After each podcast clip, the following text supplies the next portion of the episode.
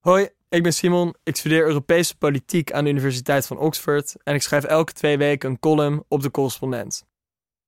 Deze keer gaat het over de puinhoop in de Britse politiek en de vier lessen die Nederland daaruit kan trekken.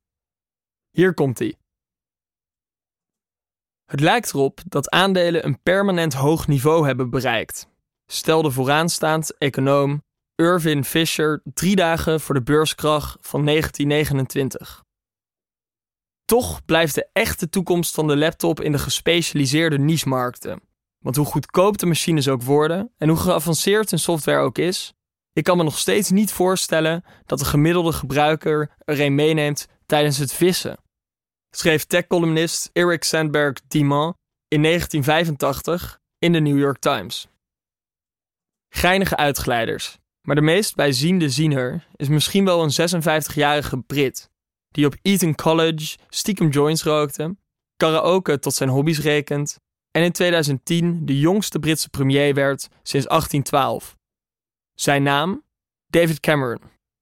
Zijn voorspelling, drie dagen voor de verkiezingen van 2015.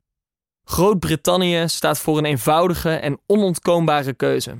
Stabiliteit en een daadkrachtige regering met mij, of chaos met Ed Miliband. Spoel vooruit naar 2022 en precies het omgekeerde blijkt waar. Cameron won de verkiezingen, maar in de dik zeven jaar sindsdien zijn de Britten, of nauwkeuriger de conservatieve partij, een lichtend voorbeeld geworden van hoe het niet moet. De Tories brachten geen stabiliteit, maar maakten een puinhoop van een liberale democratie. En daar zitten vier belangrijke lessen in voor Nederland. De afbraak begon met het Brexit-referendum, een jaar na de verkiezingen. Cameron rekende erop het anti-Europese populisme te verslaan. Niet door een krachtig tegenverhaal te bieden, maar juist door de ruimte aan te geven binnen zijn partij en programma. Nog zo'n voorspelling die niet uitkwam, want de Britten stemden voor de Brexit. Cameron had gegokt, verloren en kon direct zijn biezen pakken. De eerste les volgde snel. Gematigde partijen die populisten de ruimte geven, verslaan dat populisme niet, maar worden er deel van. Door naar Theresa May, die zelf tegen de Brexit had gestemd, maar deze nu wel moest uitvoeren. Drie jaar bakkeleien, touwtrekken en interne politieke strijd later was de onzekerheid alleen maar groter geworden. May's regeerperiode bood een tweede inzicht.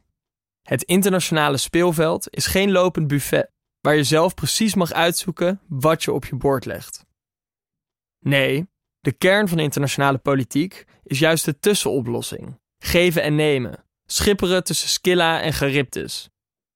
Als je controle wilt over je eigen grenzen, kun je niet tegelijkertijd onderdeel zijn van de interne markt. Een zachte Brexit met behoud van de baten en verlies van de lasten bleek dan ook een illusie. There is no sovereignty in solitude, merkte de Italiaanse oud-premier Mario Draghi vorig jaar op. Zelfbestuur klinkt lekker soeverein, maar neemt de realiteit van materiële afhankelijkheid niet weg.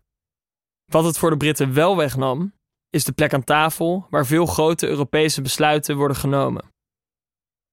De man die het stokje overnam was Boris Johnson, wiens track record bijna net zo warrig was als zijn blonde haardos.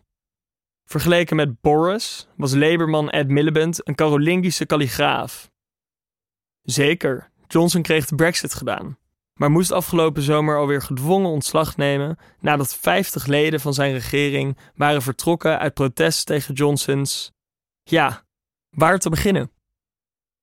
Hij brak zijn eigen coronaregels door lustig te gaan feesten tijdens een landelijke lockdown dwarsboomde een onafhankelijke parlementaire waakhond om een van zelfverrijking beschuldigde partijgenoot de hand boven het hoofd te houden, en gooide onrechtmatig het parlement dicht, om Brexit er doorheen te drukken. Quod licet Jovi, non licet bovi, zal de klassicus Johnson gedacht hebben. Vrij vertaald, wat Jupiter mag, mag een rund nog niet. Oftewel, sommige mensen vinden dat de regels alleen voor anderen gelden.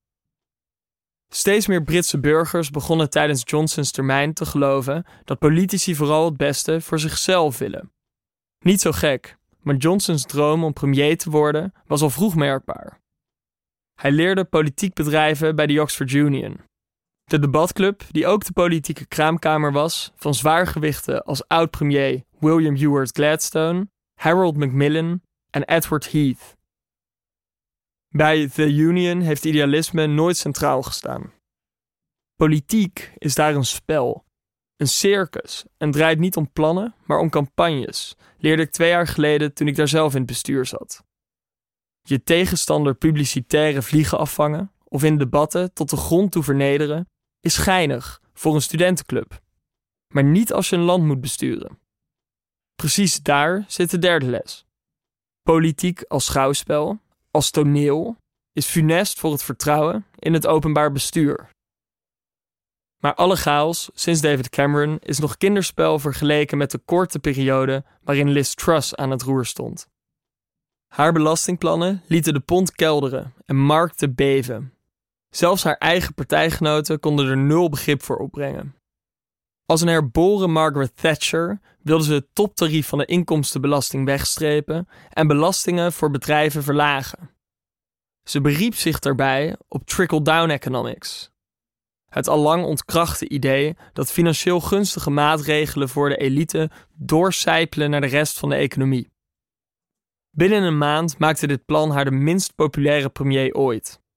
In de populariteitspeilingen stond ze nog lager dan Johnson tijdens Partygate of Theresa May vlak voordat ze ontslagen werd.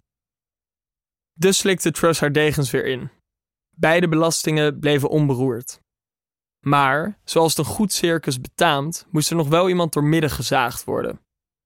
Dat werd de minister van Financiën, Kwesi Kwarteng, die 38 dagen na zijn aantreden al de laan uit werd gestuurd. In de afgelopen 100 jaar was alleen de conservatief Ian McLeod sneller van die post vertrokken. Maar dat kwam omdat hij overleed door een hartaanval. Toen al was duidelijk dat Truss zelf het ook niet lang zou volhouden op 10 Downing Street. De vierde les. Willen gevestigde partijen het publieke vertrouwen in het systeem overeind houden, dan moet dat systeem voor iedereen werken. Niet alleen voor de betoefde bankier en het gulzige grootbedrijf. Grappig, zo'n ver van mijn bedshow, kun je als Nederlander denken. Maar dat is het niet. In elke liberale democratie, inclusief de onze, zien we de Britse betonrot weerspiegeld. Gevestigde partijen, die populisme willen verslaan door zelf populist te worden, kijk alleen al naar het Doe Normaal of Pleur op van Rutte. Het voorstel voor dubbele straffen in probleemwijken van oud-VVD-fractievoorzitter Klaas Dijkhoff of VVD-kamerleden als Ruben Brekelmans, die het tijdelijk schenden van het VN-vluchtelingenverdrag geen taboe vindt. Geert Wilders is al twaalf jaar de invloedrijkste man in de politiek zonder ooit een ministerspost bekleed te hebben. De huidige VVD echoot zijn denkbeelden, maar dan met een vriendelijke glimlach, keurig taalgebruik en in een glimmend jasje. Internationale politiek gepresenteerd als keuzemenu, werp een blik op de hallucinante standpunten van JA21. Die partij wil EU-verdragen zoals die van Maastricht, Amsterdam, Nice, Lissabon en Schengen herzien om macht terug te brengen van Brussel naar de lidstaten optouts op terreinen die vitaal nationaal belang raken en een afgeslankte, meer flexibele samenwerking tussen EU-lidstaten met een focus op economische samenwerking. Dat gaat Nederland wel even voor elkaar krijgen. Niet dus. Ja21 is een verwende kleuter, zonder realiteitszin, die stampvoetend eist dat de wereld haar eisen, niet naar school, oneindig veel koekjes en een ruimteschip zonder mitsen en maren inwilligt politiek als schouwspel in plaats van belangrijke beleidsmachine, zie de versnipperde Tweede Kamer, waar het aantal moties de afgelopen 20 jaar is vervijfvoudigd.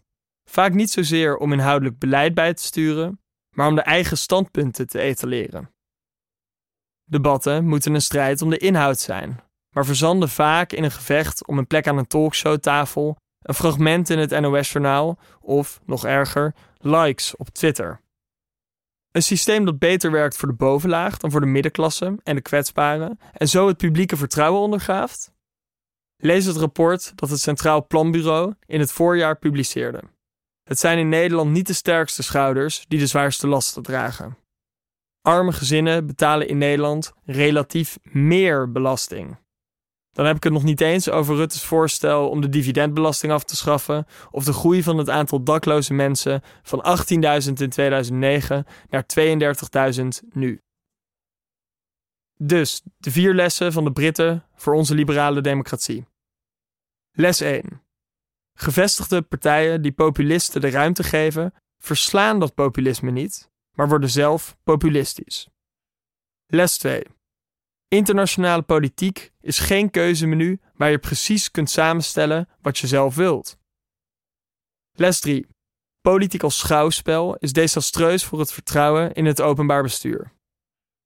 Les 4.